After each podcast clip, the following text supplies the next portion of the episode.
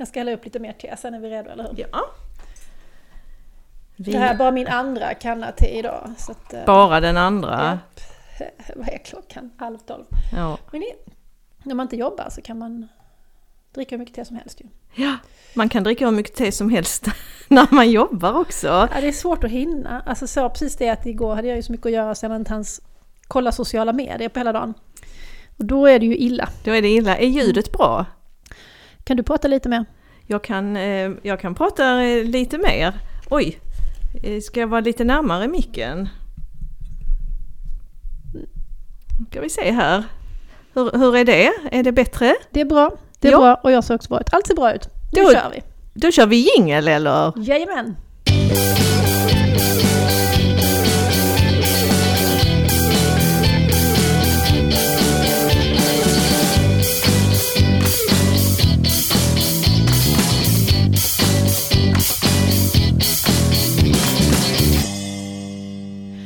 Hej och hjärtligt, hjärtligt välkomna till detta avsnitt 45 av Skolbibliotekspodden Flödet. Och jag som säger detta heter Klara Önnefelt och mitt emot mig har jag som vanligt Lotta Davidsson Bask. Hallå kollega! Hej kära kollega! Men det här avsnittet är lite speciellt för det ska vi tillägna en särskild och väldigt kär förening. Vi tillägnar detta avsnittet Skolbibliotek Syd som är en eh, förening i södra Sverige för skolbiblioteken. Mm. Och Skolbibliotek Syd har vi ju pratat om tidigare. Det är en, en väldigt viktig förening som eh, ordnar eh, kunskapsutbyte och eh, olika bra fortbildningar för oss i skolbiblioteken. Ja, vi har ju faktiskt pratat ett helt avsnitt om Skolbibliotek Syd och hur föreningen startade och så. Men anledningen till att det här avsnittet tillägnas Syd, det är ju att vi fick stipendium från dem. Vi fick ett redigt stipendium så att vi kunde åka på biblioteksdagarna som var i Stockholm 5 och 6 maj. Ja, och det var underbart, en underbar resa till ett soligt Stockholm. Och vi bodde på eh, vandrarhemmet eh, af Chapman. Inte på båten, men på, på land. Och det var, ja, vad är det, 10 meter från vattnet, Ja. mitt i centrala Stockholm. Eh, jättefint. Vi rekommenderar af Chapman verkligen. Ja, det var, det var, verkligen, var verkligen fint och lyxigt. Och sen så höll ju biblioteksdagarna till på Cirkus på Djurgården. Ja, Så vi gick ju dit på en liten dryg halvtimme tror jag. ja, det blev ju en runda runt om. Vi hade hoppats att vi skulle kunna ta båten tvärs över, men vi lyckades inte utröna hur den båten gick. Den verkade inte gå direkt över. Den Nej, vi var och dit. tvungna att åka in till Slussen och byta där. Ja, det kändes meningslöst. Ja, så att nu kommer vi att prata om biblioteksdagarna idag och vad vi eh, fick höra där och lite sånt. Ja. Mm. Ska vi, ska vi börja med det direkt? Ja, eller ska vi vi prata om lite sen sist? Vi tar det, det tar vi sist i Ja. programmet. Ja, det gör vi. Ja, biblioteksdagarna. Eh, Det ordnas ju eh, varje år eh, av Svensk biblioteksförening. Och där brukar det vara väldigt intressanta föredrag av både människor som är verksamma inom bibliotekssfären men även andra Mm. som sysslar med saker som är intressanta för oss inom bibliotek. Och sen kan man ju säga att det är en eh, ganska lyxig tillställning att åka på. Den är ganska dyr. Mm. Så att för vanliga dödliga som oss så krävs det nästan att man får ett stipendium. Eh, det är ju, inleds ju med ett mingel kvällen innan. Sen Ja. är det två dagars konferens med lunch och det hela avslutas med en, en stor festmåltid får man ju nästan säga med dans och... Ja. Så De, de, de flesta som är där som deltagare, det är ju faktiskt olika sorters chefer. Så jag vet inte om det var några vanliga dödliga skolbibliotekarier. Det var ju någon skolbibliotekssamordnare. men det är ju från regionbiblioteken är det ju en del för de är ju så små enheter så där kanske ofta alla får åka. Men det är ju, de är ju inte heller vanliga skolbibliotekarier. Så ja, om någon vanlig skolbibliotekarie var där så får de höra av sig och protestera. Men jag tror vi kanske var de enda. Ja, det var inte så mycket vanliga bibliotekarier heller. Enhets, alltså, ja, mellanchefer och sådär. De jobbar ju också som vanliga bibliotekarier får man ju säga. Fast Ja, det också. så det är väl en kritik som jag har haft länge, att, att jag tycker att det är, att det är alldeles för, för exklusivt. Mm. Eh, tyvärr. Men eh, vi, nu hade vi ju turen att vi fick åka dit. Och det hela inleddes ju helt fenomenalt med världens musikframträdande. Get Up Soul Choir som rockade loss där. Det var helt fantastiskt. Mm. Det var en, verkligen en, um, ett stjärnfall kan man säga. Ja, ja det var Mm. det. Jag, jag blev helt förälskad i, i den som var, hon som var ledare för det hela. Mm. Eh, ja, sen var inledningstalare var Jan Scherman som presenteras som publicist, diversearbetare och en känd svensk mediedebattör. Och han, han pratade om hotet mot yttrandefriheten och han, eh, han, han menar ju att vi att vi har ett väldigt svagt, svagt skydd för demokratin i Sverige Mm. att på, på 18 månader kan vi avskaffa demokratin och att det räcker med ett extra val. Det, det, ja, det är väldigt obehagligt eh, när någon, när någon säger så. Han, han pratade också om Paludan och eh, koranbränningarna. Mm. Och jag fick mig en rejäl tankeställare, för det är ju så lätt att säga, det är klart att vi ska förbjuda Paludan, Mm. men Jan Scherman tog det ett varv till. Att vad är nästa grej vi förbjuder? Mm. Vi har ju ändå en pandemi i färskt minne där man faktiskt begränsade våra fri, medborgerliga fri och rättigheter och demonstrationsrätten och allt väldigt mycket. Eh, Och det, det kom ju en hel del eh, kritik ja, mot, mot detta. ja. Eh, men ja, vad, vad, vad förbjuder man nästa gång om man förbjuder Paludan? Ja. Sen som, som du sa att han är en tramsebyxa, man, man, borde, man borde bara inte bry sig om honom.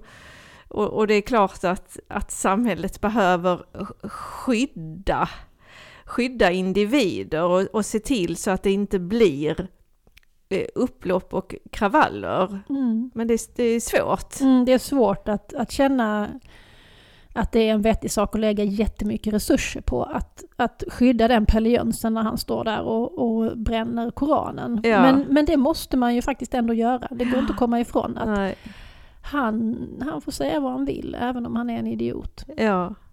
Och ehm, nästa gång är det kanske ett gäng feminister som vill eh, ta av sig hela kläderna utanför en fotbollsmatch för att manifestera någonting.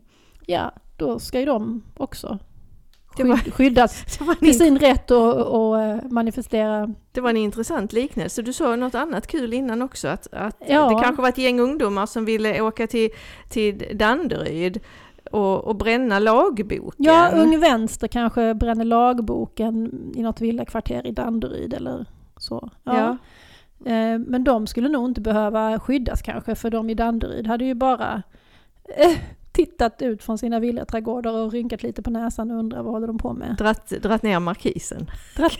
Eller skickat ut sin vasall Ja, att dra ner markisen. ja. Ja, nej. nu ska vi sluta. Nu- Nu, nu är vi seriösa. Det här blev ett sidospår. Ja. Eh, men i alla fall så tycker jag att det är så intressant att lyssna på personer som har tänkt mycket under hela sitt liv, som har tänkt och skrivit och, och, och som delar med sig För han är ju specialist på detta. Han är, Och det är ju så att vi vanliga dödliga som inte är specialister på det här området, när, när det poppar upp så är det så lätt att bara säga men hur sjutton kan det inte vara hets mot folkgrupp att bränna Koranen i ett sånt bostadsområde där kanske 80% är muslimer. Eh, för det tycker man ju ändå, att när han väljer att göra det just där, att det borde vara hets mot folkgrupp. Men en person som har jobbat med de här frågorna hela livet, han har ju tänkt på det här så mycket så han har svar. Ja, och, och kan ge en, en, en annan infallsvinkel. Och sen kanske inte alla håller med Jan, Jan Scherman, men det är väldigt intressant att lyssna på honom. Det, det kan alla vara överens om, tycker jag. Det var en bra inledning i alla fall Ja, ja det var det. Sen, eh, sen var det ju några väldigt folkbiblioteks eh, relaterade punkter som vi inte gick på. Och det var ju också så att många av expertnätverken passade på att ha programpunkter, mm. liksom för sina, eh, för sina medlemmar. Och vi, vi skolbiblioteksnätverket hade ju träffats tidigare mm. den veckan i Lund. Ja. Så att därför var, var det ju inte något, något skolbiblioteks-gathering. Nej men det var inte så mycket kring skolbibliotek överlag kan man säga i programmet men eh, skolbibliotek eller hur vi tänker kring skolbibliotek, det kom ju ändå upp en hel del. Ja det gjorde det. Och vi, vi relaterar ju alltid till, till skolbibliotek. Alltid. Vad folk än säger så kapar vi ju den tråden och skriker skolbibliotek nu. Ja, Eller exakt, hur? Exakt. Men där var ju skolbibliotekariernas bästa vän, eller en av skolbibliotekariernas bästa vän, mm. Kristina mm. Alexandersson. Ja, hon var ju riktigt bra. Internetstiftelsen. Mm. Jag tycker att Kristina alltid är bra, men nu var hon faktiskt jätte, jättebra. Ja. Eh, och eh, ja, hon, hon pratade om eh, digital, eh, digital kompetens, mm. vad det är för någonting. Eh, och, och liksom benade upp det lite grann. Och jag, jag antecknade ganska mycket. Jag antecknat att, att digital kompetens borde handla om att bli kunniga och förstå det samhället vi lever i. Mm. Och, och det, det, det, är ju, det är ju klokt, för att vårt samhälle är ju digitalt. Ja. Det går inte att skilja det åt nu. Nej, nej, det gör det verkligen inte. Det har det ju inte gjort på länge. Ja, och att, att bibliotek ska, ska få folk att förstå hur man söker, hur algoritmer fungerar. Ja, hon sa, hon sa en massa, massa intressant. Hon pratade ju också om de här olika begreppen som vi använder. Det tycker jag var väldigt spännande för det gick lite grann upp ett ljus för mig. Så vi pratar ju gärna om MIK, ja. media informationskunnighet. Och det gör man ju inom bibliotekssektorn. Men i våra styrdokument så är det ju faktiskt digital kompetens som används som begrepp. Ja, i skolans styrdokument. Ja, precis. Och det är ändå skolans ja. styrdokument som vi ska ja. jobba efter. Och därför så um, tycker ju jag nu, nu, eller jag kände det när jag hörde henne prata, att vi kan ju inte liksom prata om någonting annat än det som står i våra styrdokument. Vi kan inte hålla på att använda ett begrepp, MIK, som vi måste förklara varje gång vi pratar med en lärare. Använder vi oss av det begreppet digital kompetens som står i styrdokumentet så kommer vi inte att behöva förklara det varje gång och vi pratar om det som är våra gemensamma styrdokument. Ja. Och det, det, det, måste ju vara det, det vettiga. Alltså lärare är inte intresserade av att, att, att lyssna på IFLAs riktlinjer. Sen är det ju så att de här begreppen liksom, de flyter ihop oerhört mycket. De är de, de, de hänger ju ihop. Ja, ja. Det, det, går ju inte att skilja ut. Nej, det är svårt. Det, det, är ju samma saker. Eh, men det här liksom Mike, eh, vad ska man säga, klustret. Ja. Det innehåller eh, kanske lite mer än vad digital kompetens gör. Eh, och sen berättade hon ju också en sak som jag tyckte var intressant och det är att MIK kommer ju från bibliotekshållet och det är IFLA till exempel, jo. som eh, driver det. Um, men digital kompetens, det är ett begrepp som kommer från näringslivet. Och det gör ju också begreppet digital kompetens kanske lite tråkigare att hålla på med, därför att det handlar ju lite mer om att ja, men du ska bli lönsam lille vän, du ska, du ska lära dig de här sakerna så att du kan komma ut och bli lönsam i näringslivet. Men det är ju också att du ska lära dig de här sakerna för att kunna gå ut och vara en aktiv samhällsmedborgare. Ja, absolut. Så kan absolut. vi väl tolka en, det också? Ja, jo, jo. Så är det ju. Om man lär sig digital kompetens i skolan så kommer man ju kunna det. Ja. Och det står ju också i de här fyra eh, aspekterna av digital kompetens, att man ska kunna använda sig av digitala medier för att förverkliga sina egna projekt och så vidare. Ja. Men hon pratade ju också om, eh, om eh, plattformar, Ja, alltså sociala medier. ja, vem- också Vem tar ansvar för allt som, eh, som publiceras på alla, alla plattformar?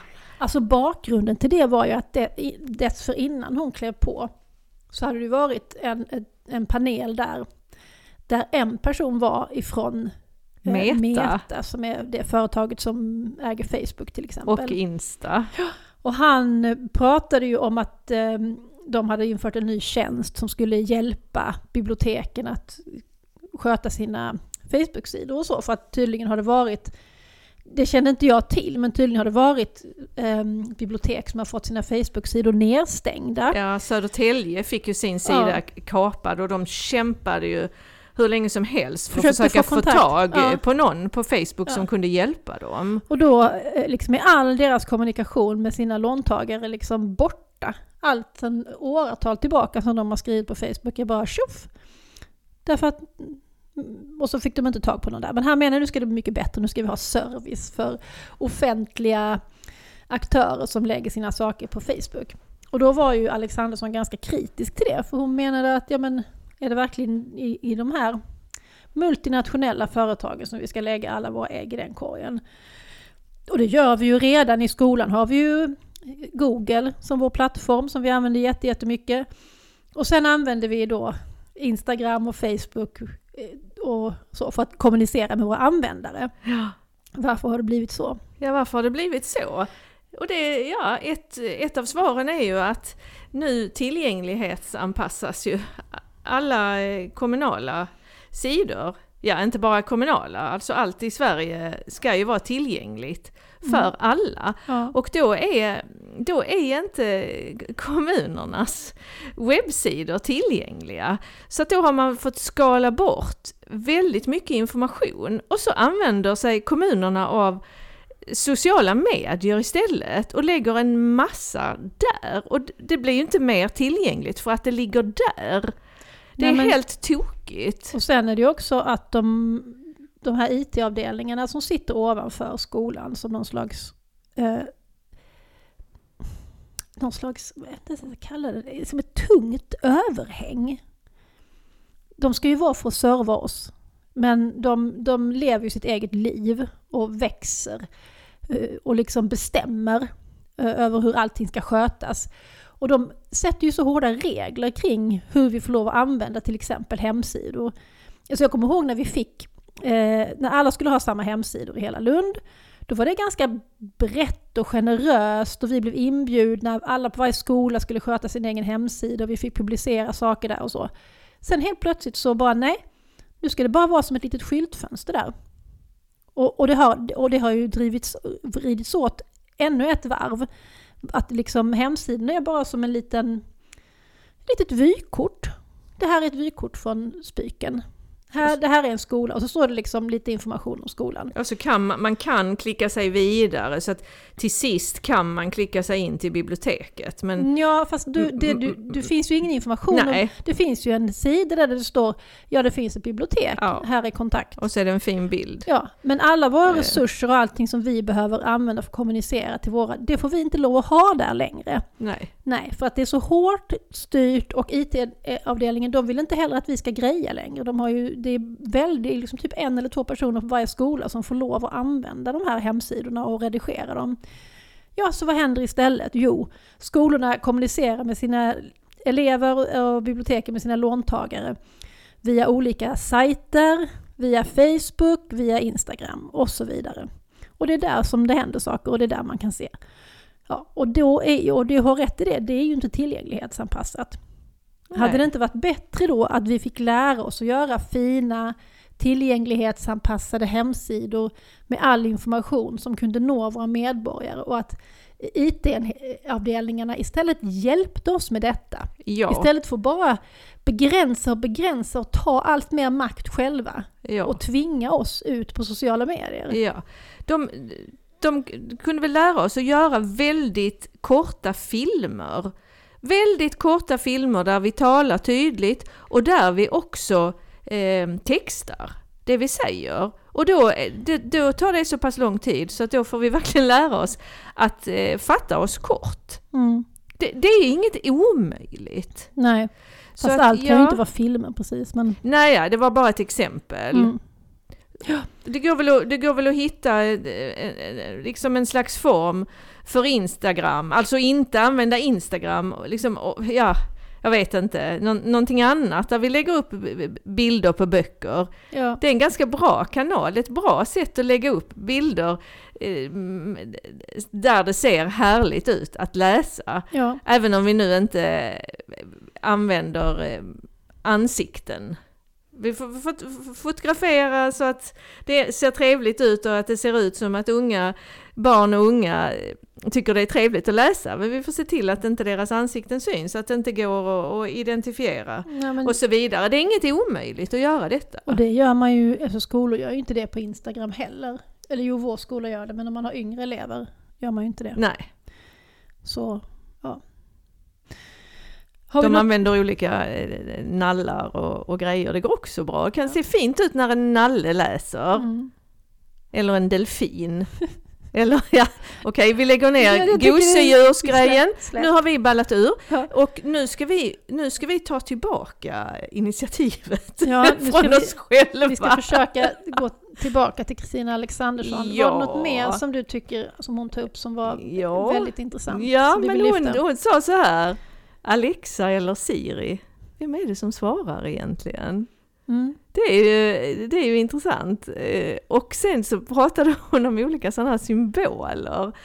Men vänta, Eh. så backa dig nu. Vadå Alexa eller Siri? Vem är det som Ja men det är såna här, det är såna här... Jag vet vad det är, alla vet vad det är. Men Ja. vad, vad vill du ha sagt? Ja men vad baseras svaren på? Ja, just det. Vem vet, vem vet det? Ja det baserar, måste ju baseras på din tidigare aktivitet. Ja, fast också på någon som har knackat en, eh, en kod och, och, och gjort en algoritm. Ja, visst, så den måste ju basera sig på var, var jag befinner mig med min enhet. Då, Var jag har befunnit mig tidigare, vilka sidor jag har varit Ja. inne på, vad jag har interagerat med och så vidare och så vidare.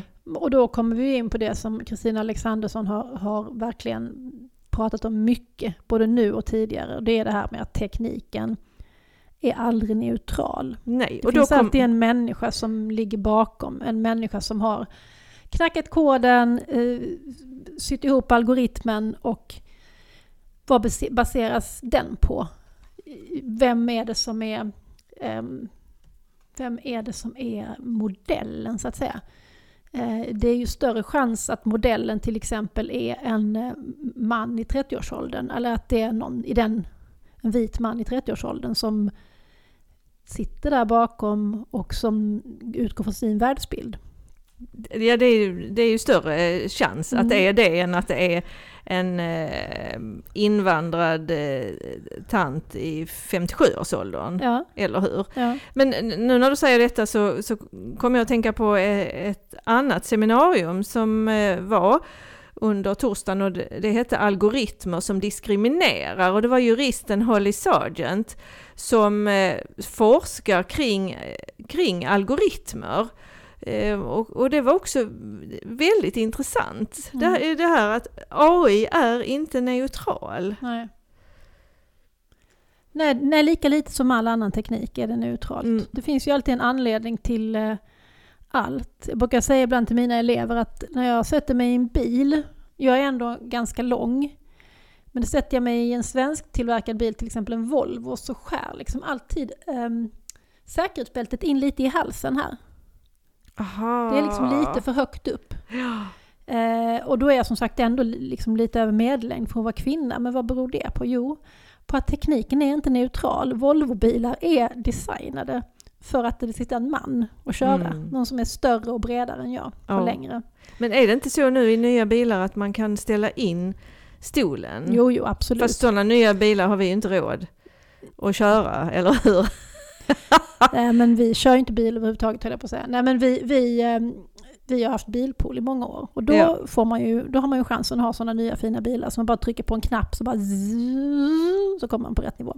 Det är underbart. Men just nu har vi en gammal Volvo ehm, som vi köpte som sommarbil förra året och som vi tyvärr inte har gjort oss av med ännu. Och den är sån, skär in i halsen. Ja, ja, det är inget bra. Mm. Inget bra alls. Men det är bara ett exempel. Du kan ju titta på en stol till exempel. Varför har den de måtten? Och hur Mm. många kortvux, kort, kortare kvinnor får sitta och dingla med benen? Eller så här, det, det, man kan ta det från den tekniken till tekniken som finns i, våra, i vår AI och våra algoritmer. Ja, absolut. Och till, till sjukvård och Ja. medicin. Mm.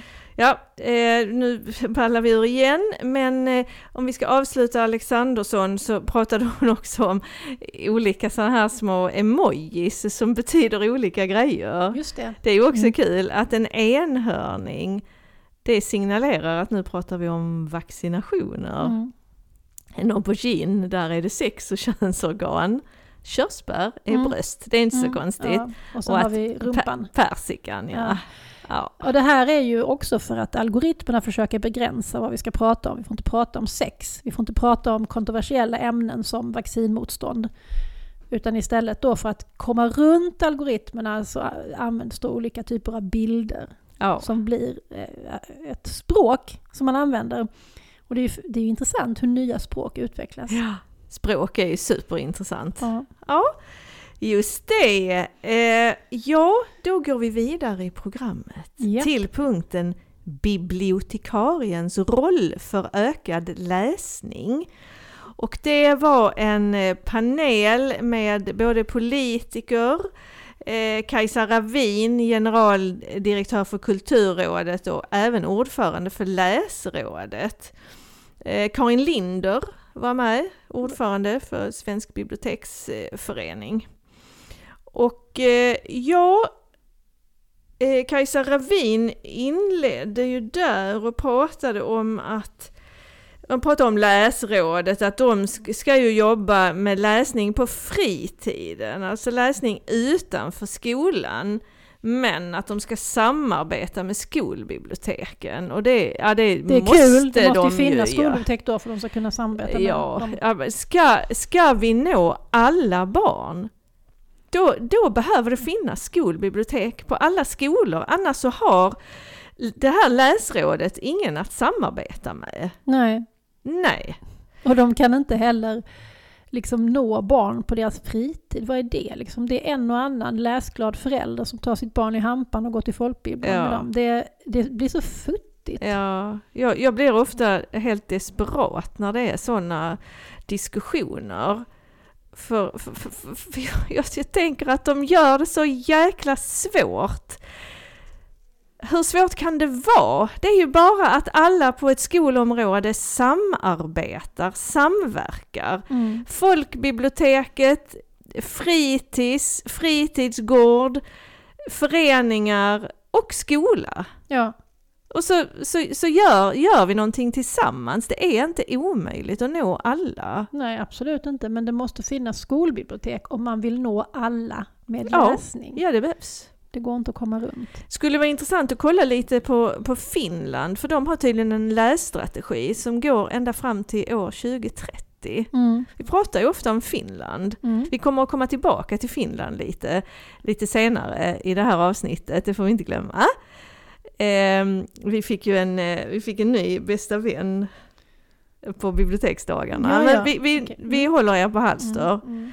kring detta. Eh, ja, vad ska, vi, vad ska vi säga mer från, från eh, jo, eh, från det eh, seminariet så pratades det ju om eh, Fridolins utredning.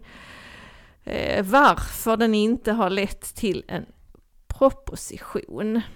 Men Och- var detta den här som var som en debatt mellan politiker Ja. och som Karin Linder ledde? Ja, ja det var det. För då, då pratade ju Laven Redar som alltså är eh, Socialdemokraternas kulturpolitiska talesperson.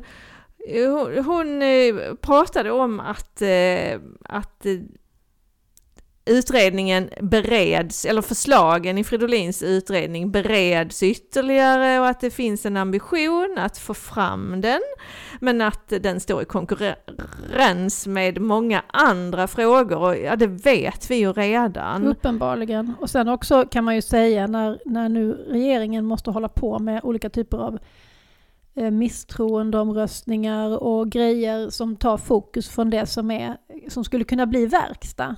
Ja. så är det ju svårt samtidigt som den här oppositionen som sätter igång misstroendeomröstningar.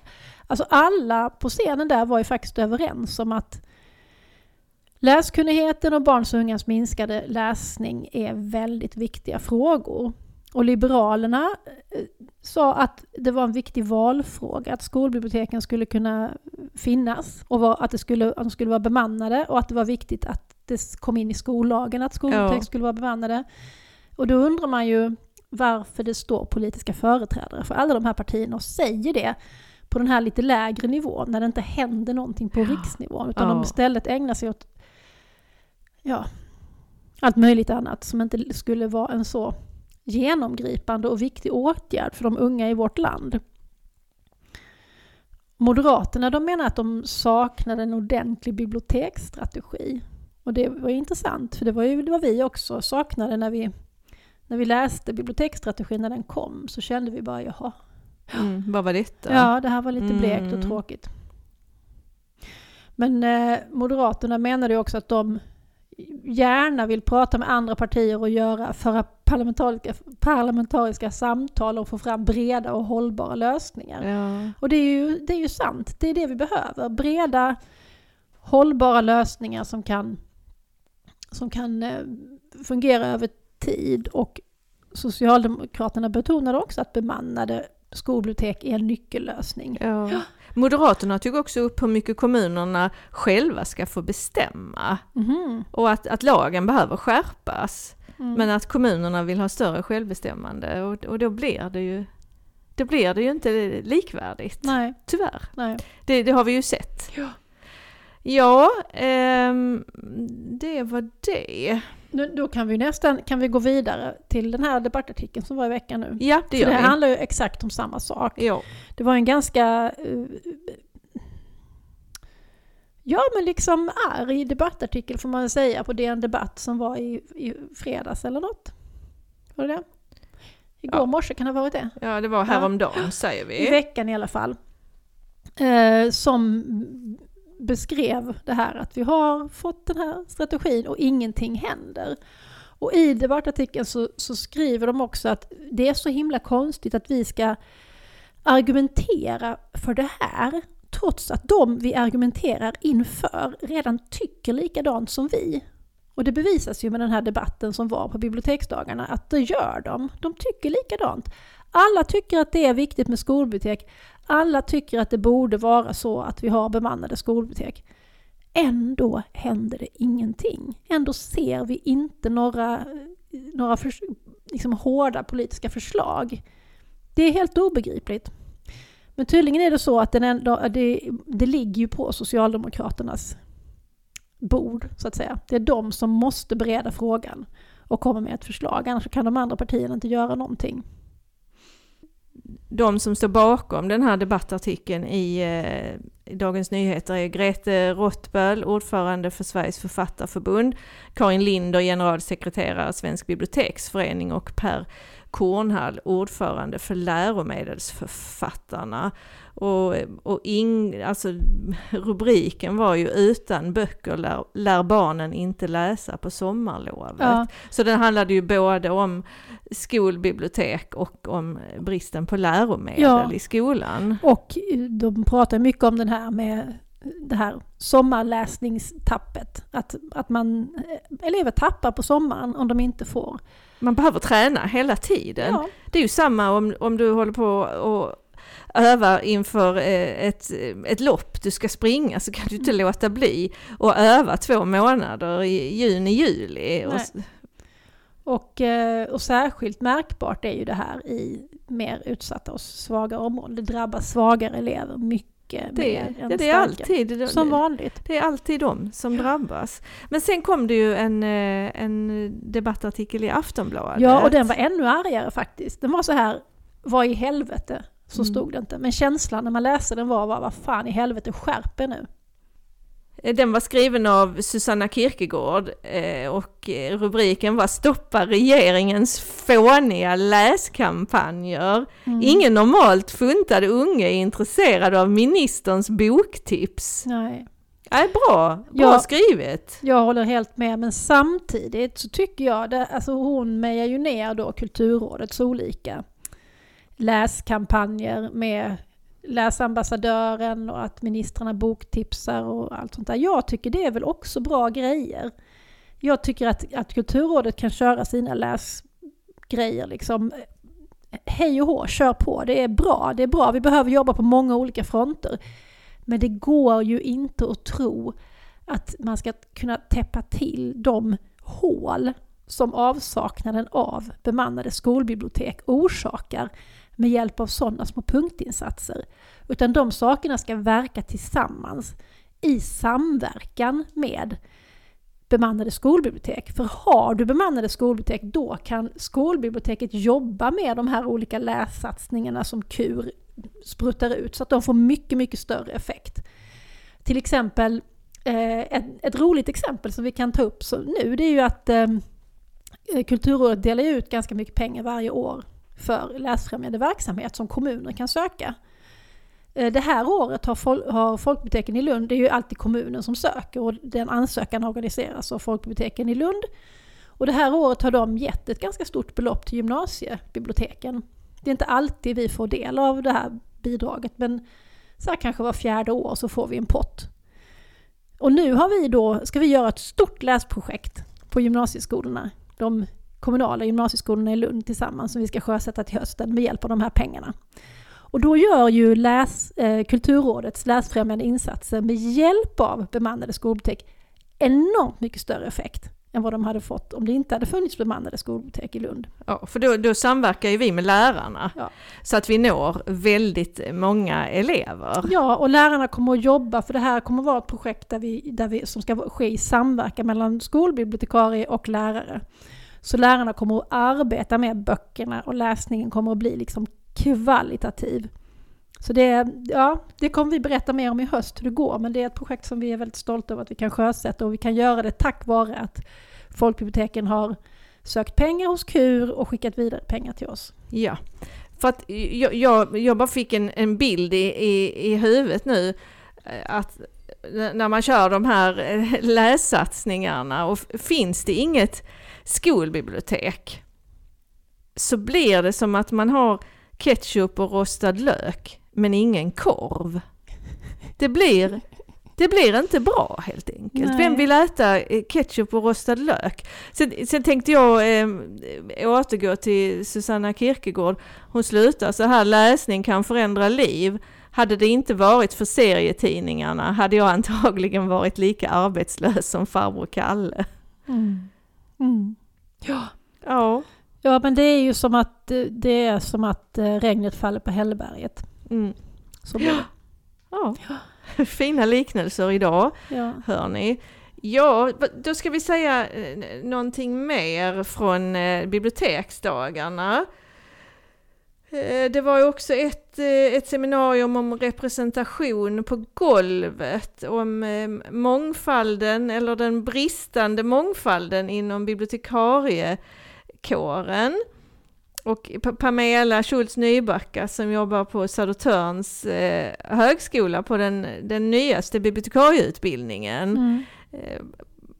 Pratade ju en hel, pratade ju om hur de eh, jobbar med detta på Södertörn. De jobbar ju för en breddad rekrytering, vilket, vilket är jättebra. Vi måste ju så mycket vi kan ha en representativ eh, kår. Men samtidigt så är det ju de som söker utbildningen, som vill gå utbildningen och som är intresserade av att jobba i ett låglöneyrke och så vidare. Ja, Som, som kommer att bli bibliotekarier. Det, det är inte alla och en var liksom. nej.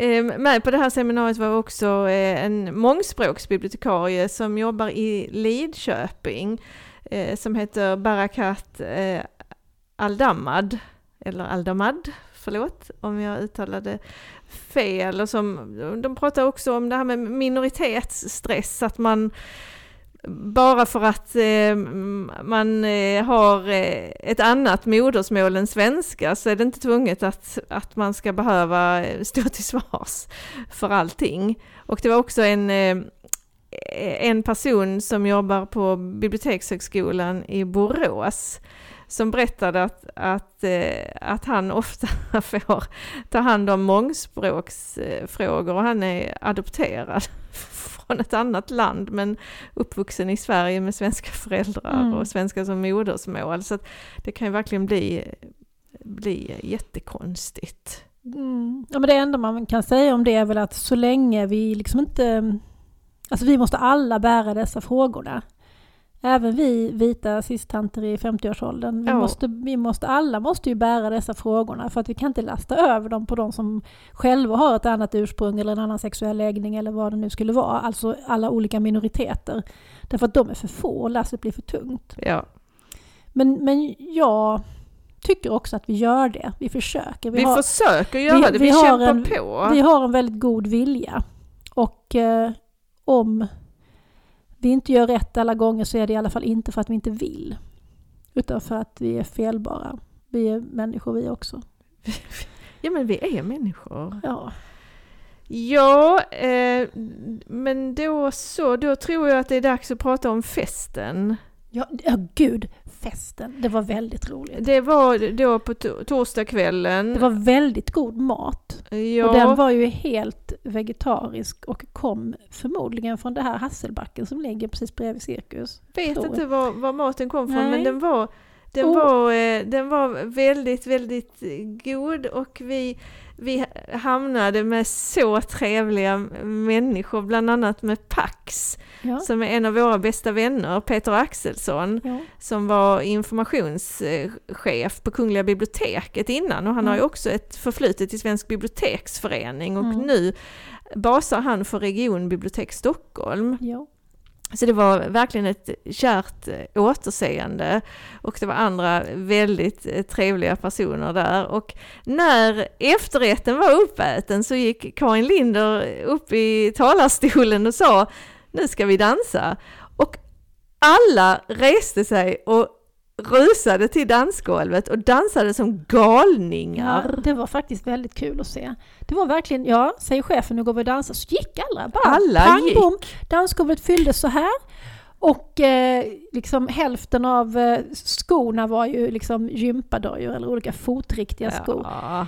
Alltså mycket, jag visste att bibliotekarier var ett trevligt släkte, men att de var så dansanta, det var ändå härligt att se. Ja. Och sen dansade alla liksom i två timmar eller någonting och sen gick alla hem. ja. Ja, det var bara tjock, tjock. Nu gör vi detta, nu gör vi detta effektivt och bra, precis som det brukar bli när man har med bibliotekarier att göra. Vi, vi var ju kvar ganska länge och dansade. Vi var inte kvar ända till slutet. Vi var inte sist ut, men vi var kvar länge. Vi var kvar länge. Och det, det är då jag kommer in på Finland för att vi hade ju vi hade lärt känna en väldigt trevlig utställare som s- ställde ut någon slags äh, ja, paddor som man kunde koppla till ett bibliotekssystem. Mm. Eh, och eh, eh, han, han recenserade ju, han recenserade vår dans. Dagen efter. Dagen efter Ja. så sa han, han, han beskrev vår dans som they danced like animals. You were animals at the dance floor, sa han. det var, Han menade att, det, att vi dansade bra. Att vi, han, var positiv. att vi körde hårt, tror jag han menade. Ja, Ja. och det är så roligt, alltså det här när vi är ute på, på konferenser och så, Al- alltså de man pratar med i pauserna.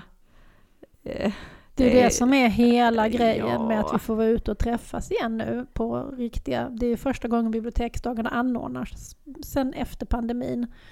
Och folk var ju lite som kalvar på grönbete. Det kanske var därför dansen var så intensiv också, för att alla var så glada för att äntligen få vara ute på galej igen. Ja, ja det, det, det kändes som att det var som, lite som en firmafest. Ja. Sen helgen efter, vi, vi, dels när man är i Stockholm så promenerar man ju extremt mycket och sen dansade vi hela kvällen. Och sen helgen efter när jag kom hem så fick jag ryggskott. hade det på något sätt med konferensen att göra? Jag tror att det, nej, att det hade att göra med att eh, jag promenerade som en galning och dansade som en galning. Så att jag överansträngde mig utan att veta om det kanske. Ja. Mm.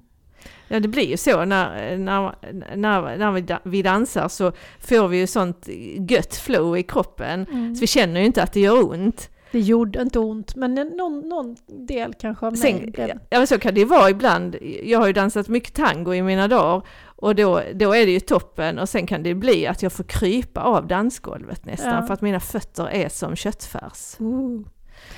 Ja. Ja, nej, sen klippte jag rosor helgen efter och då, då kröp jag runt bland rosenbuskarna och fick ryggskott.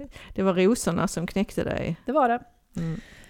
Ja, men nu är vi väl färdiga med Vi biblioteksdagarna. ska, vi ska bara säga en sak att den som var moderator, moderator för biblioteksdagarna det var Linda Zachrisson och hon var fan i mig briljant. Hon skötte det mycket bra.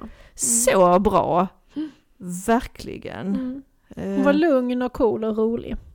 Men du, nu, nu, för nu, kollar jag i, mina, i mina tweets från biblioteksdagarna. Det tog ett tag.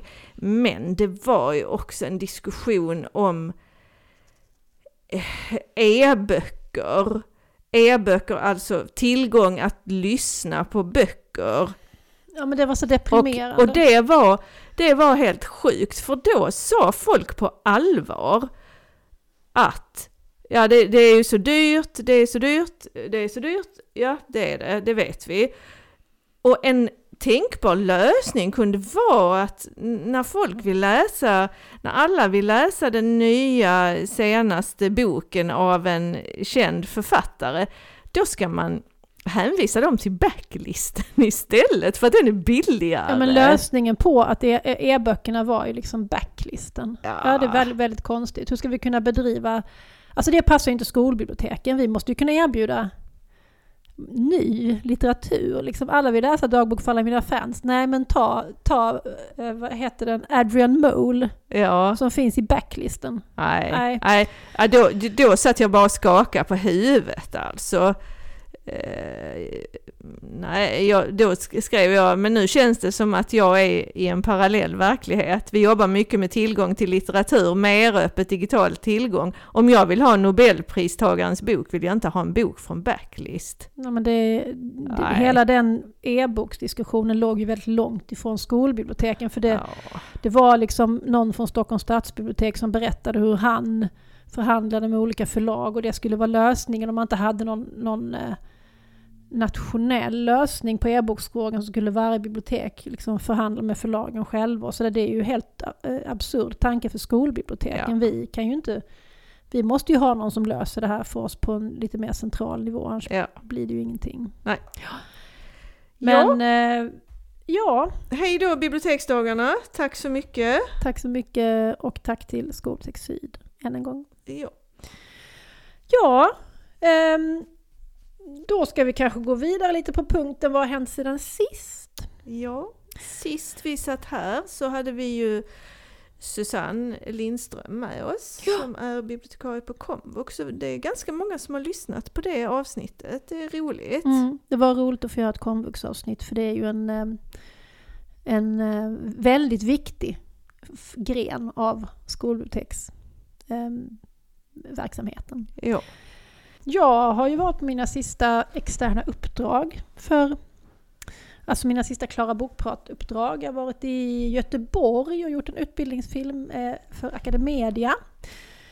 Ehm, Jag har också varit i Halmstad, var jag nu i veckan. ja, det var du i onsdags. Ja, och föreläste för eh, fol- barnbibliotekarier, skolbibliotekarier, förskollärare, ja, mm, läsfrämjande personer. Eh, och det var väldigt trevligt och eh, sen blev vi också intervjuade i deras podd. De har en podd eh, för barn och ungdomslitteratur som heter Läs för mig. Och eh, Som, som riktar sig till vuxna. vuxna som sysslar med läsfrämjande arbete. Så jag var väldigt nyfiken på den. Ja, jag lyssnade på den på vägen hem på em, ett avsnitt från Bokmässan där de inte, intervjuade Kristina Sigurdsdotter. Eh, och de har ju, eh, jag tror de gör ett avsnitt i månaden faktiskt, så att det finns eh, många bra eh, grejer att lyssna på där. Eh, och ehm, det var väldigt roligt därför att eh, Fredrik och Carolina som leder den här podden, de håller på precis som vi, att de inte riktigt vet vilket avsnitt det är. Så bara, ah, vi måste kolla vilket avsnitt det är. Vilket avsnitt var det nu igen? Vad Så kul! kände jag det var konstigt att det är en sån grej. Att Ja. både de och vi, ja. Ja men så det, det kommer att äh, äh, läggas ut någon gång i sommar tror jag, det avsnittet med mig. Så att efter den här, det här avsnittet läggs ut så kommer det komma. Och äh, ja, det är poddtips för er som vill ha fler poddar att lyssna på. Läs för mig. Vad bra. Mm. Ja, sen har du ju börjat eh, skolas in så smått på spiken. Ja, jag var och eh, praoade kan man säga eh, på Spiken i eh, tisdags, Mm. förmiddags så var jag där Ja. och stod i disken. Och det var, ja, men det var spännande. Vad var det konstigaste som du varit med om på i spiken jämfört med Polhem? Jag tror inte att jag var med om något konstigt. Nej. Ja, det var ju en, en lite rolig sak för att eh, Polhem hade ju sin studentutspark på tisdagen. Ah, så det kom ju ett gäng eh, glada Polhemselever som sk- skanderade vi går inte på spiken Mm. och, och gick över skolgården. Men de var glada och inte aggressiva. De är aldrig Alls. aggressiva, de är bara överglada. Sen på Ja. eftermiddagen när du hade gått så kom det några gäng som inte nöjde sig med att gå över skolgården utan de gick dessutom in i hallen och skrek och viftade med visselpipor. Så då blev den här bibliotekarien blev lite aggressiv då. Ja, just det. Jag tycker att de gärna får hojta och tju- tjuta på men de får inte gå in och vissla med vis, visselpipor i vår, i vår De får hall. inte gå in. Nej, helt enkelt i byggnaderna. Nej. Sådana är reglerna. Ja, så det, det var nog, alltså det var ju inte konstigt att de gick på skolgården men det kändes ju lite konstigt för mig att eh, stå inne på spiken för att det är ju en sån här kärleksfull rivalitet mellan Spiken, Katte och Polhem Ja, i, i Lund som eh, har en, en lång och härlig tradition. ja. Men de samarbetar ju mycket också. Eh, eleverna mellan skolorna och vi samarbetar. Eh, så att det, ja, det, det, är bara, det är bara som det är. Mm. Nej men det som är det konstigaste för mig det är ju att, att jag ska avveckla mig själv från Polhem. Jag har jobbat på Polhem i exakt åtta år nu. Mm. Eh, Jag slutade på mitt eh, gamla jobb på, eh, på torsdagen och sen började jag på Polhem på måndagen. Mm. Och jag har ju ett slags kärleksförhållande till mina arbetsplatser. Jag sörjer ju fortfarande Fäladsgården Mm. och det är ju tio år sedan jag slutade där. Mm. Så att nu får jag sörja Polhem och det- det sorgearbetet har jag, har jag ju hållit på med i några veckor. Ja. Men nu har jag eh, avvecklat eh, min, eh, mitt skrivbord helt och hållet. Min hurts är tömd och jag håller till inne i arkivet. Och där har jag ett härligt litet uppfällbart bord som jag räddade en gång när det skulle slängas. Det är som ett, det är som ett litet spelbord fast det är avlångt och litet och väldigt skamfilat. Men eh, det, det, det duger bra till mig, så då Mm. sitter jag där inne och surar i arkivet. Jag tror inte på det att du surar. Nej, Nej. men jag kan stänga dörren om mig. Ja. Ehm, Så att de andra liksom kan få lösa lite problem själva och inte Ja, bara komma och fråga dig och hela tiden. det, gör de, Ja. för att det är ju eh, det är ju eh, en uppsättning för fantastiska människor som har rekryterats till Polhemskolan. Det är ju faktiskt tre nya bibliotekarier på Polhem. Mm. Det är två och en halv tjänst. Eh, Och en är ju vikarie eftersom min kollega Agnes är föräldraledig Mm. fram till januari. Så det är faktiskt tre nya. Men som tur är så är Miranda kvar. Det är ju vår utmärkta biblioteksassistent Mm. som har en, en, en lång, eh, lång erfarenhet eh, från gymnasiebibliotek i Mm. Lund på över 20 år. Ja. Så det kommer att gå i toppen på Polhem och de nya börjar ju ställa skåpet redan. Det är skönt. Och det är, det är så härligt för att vi, vi jobbar i en verksamhet, vi ger järnet, vi satsar, vi utvecklar, vi älskar det. Men när vi, när vi går så tar någon annan över och, och gör nya fantastiska saker och jobbar vidare med en del grejer som vi har börjat. Och sen skippar de en del och hittar på helt nya Och saker. det är ett sånt himla bra tillfälle också att liksom ehm, ja, men ta bort och lägga till bättre grejer. Ta bort onödigt och lägga till bättre grejer. Ja. Ja, jag tycker det ska bli väldigt spännande att se hur det blir till hösten. Nu ska vi ha överlämningsdag på onsdag. Ja, eh, så Du och jag och Katrin. Men i, i, igår, i fredags, så blev ju Katrin avtackad. Hon har, hon har en vecka kvar nu på Spiken och det är ju eh, oerhört eh, sorgligt liksom när en kollega lämnar. Det enda som gör situationen uthärdlig är att du kommer istället. Ja, och att Katrin faktiskt stannar inom förvaltningen för att hon Ja. ska ju bli IKT-utvecklare. Ja. Så nu blir hon ju vår personlighet på insidan. Ja. Så att det, det ser vi fram emot. Mm. Eh, och jag ser ju fram emot att få jobba ihop med dig. Ja. Och när jag var hos er i tisdags fick jag ju till och med dricka te ur din röda mugg. ja. Det kändes som ett sånt förtroende. Den var initieringsriten, men Ja. det kommer inte hända igen. Nej, du får med nej. en egen mugg Ja, sen. jag tar med min egen mugg, jag lovar. Ja, Jag kommer Ja. ta med många saker. Men du, det ska bli intressant att se vad som händer med den vita muggen. Du vet, Ja, den vita muggen som du hade med dig från Fäladsgården väl? ja. Och sen... Eh, Nej, jag, du varifrån fick den. Ja, precis. Jag fick ju den av dig, men du hade med den från Fäladsgården. Och sen Ja. fick jag den av dig. Men Ja, jag kommer inte ihåg när. Men det var när jag började på Spiken va? Det måste det ha varit. När jag började som gymnasiebibliotekarie så fick jag den av dig. Och sen när jag flyttade till Stockholm, då gav jag den till Katrin. För jag tänkte hon behöver en tekopp. Hon dricker te väldigt sällan, men hon behöver ha en tekopp. Liksom, ja, man kan ju inte dricka te ur en kaffekopp, det är Nej. outhärdligt. Så då lämnade jag den till Katrin.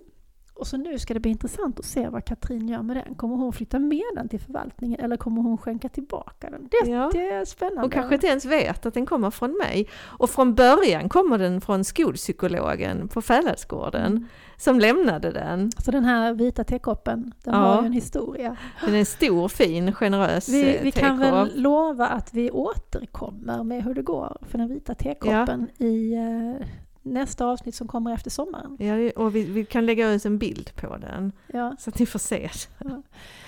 Men det som vi hoppas ska hända i sommar för Flödets del är att vi ska spela in ett Flödet läser sommar. Ja, Men vi har inte bestämt det- detaljerna kring det. Så vi Nej. lägger bara en teaser och att vi hoppas att det ska bli av. Men inga, inga löften.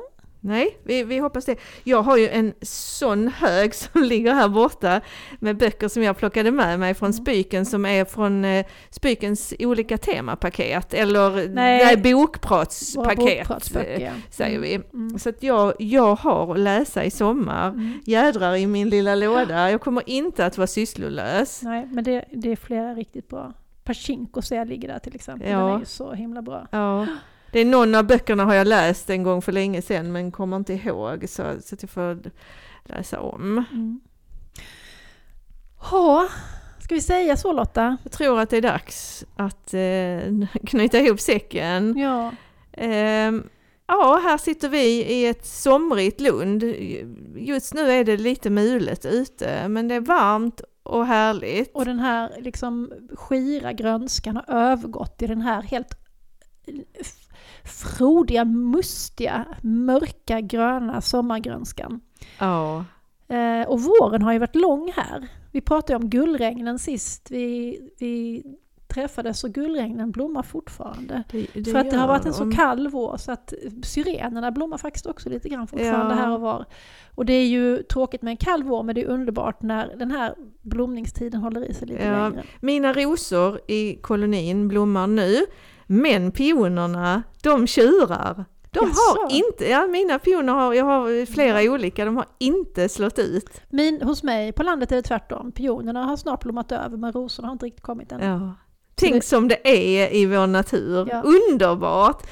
Ja, vi, vi får ju önska er ett jättehärligt sommarlov. Ja, verkligen. Och ni som lyssnar på flödet, ni är ju ni är vårt, våra, ni är vårt folk. Så att vi, är, vi är tacksamma för er och vi, öns, vi önskar er den allra bästa av somrar. Det gör vi och så ska vi passa på att tacka rektor Torbjörn för vår jingel. Yes. Och så vill jag ju tacka dig Klara och snart, snart är vi arbetskamrater. Ja, det blir Väldigt kul! kul men lite knasigt att det Ja. blev så. Ja. Jag vill tacka dig också Lotta och önska dig också en trevlig sommar. Ja men tack! Hej då alla fina! Hej hej! We'll be right back.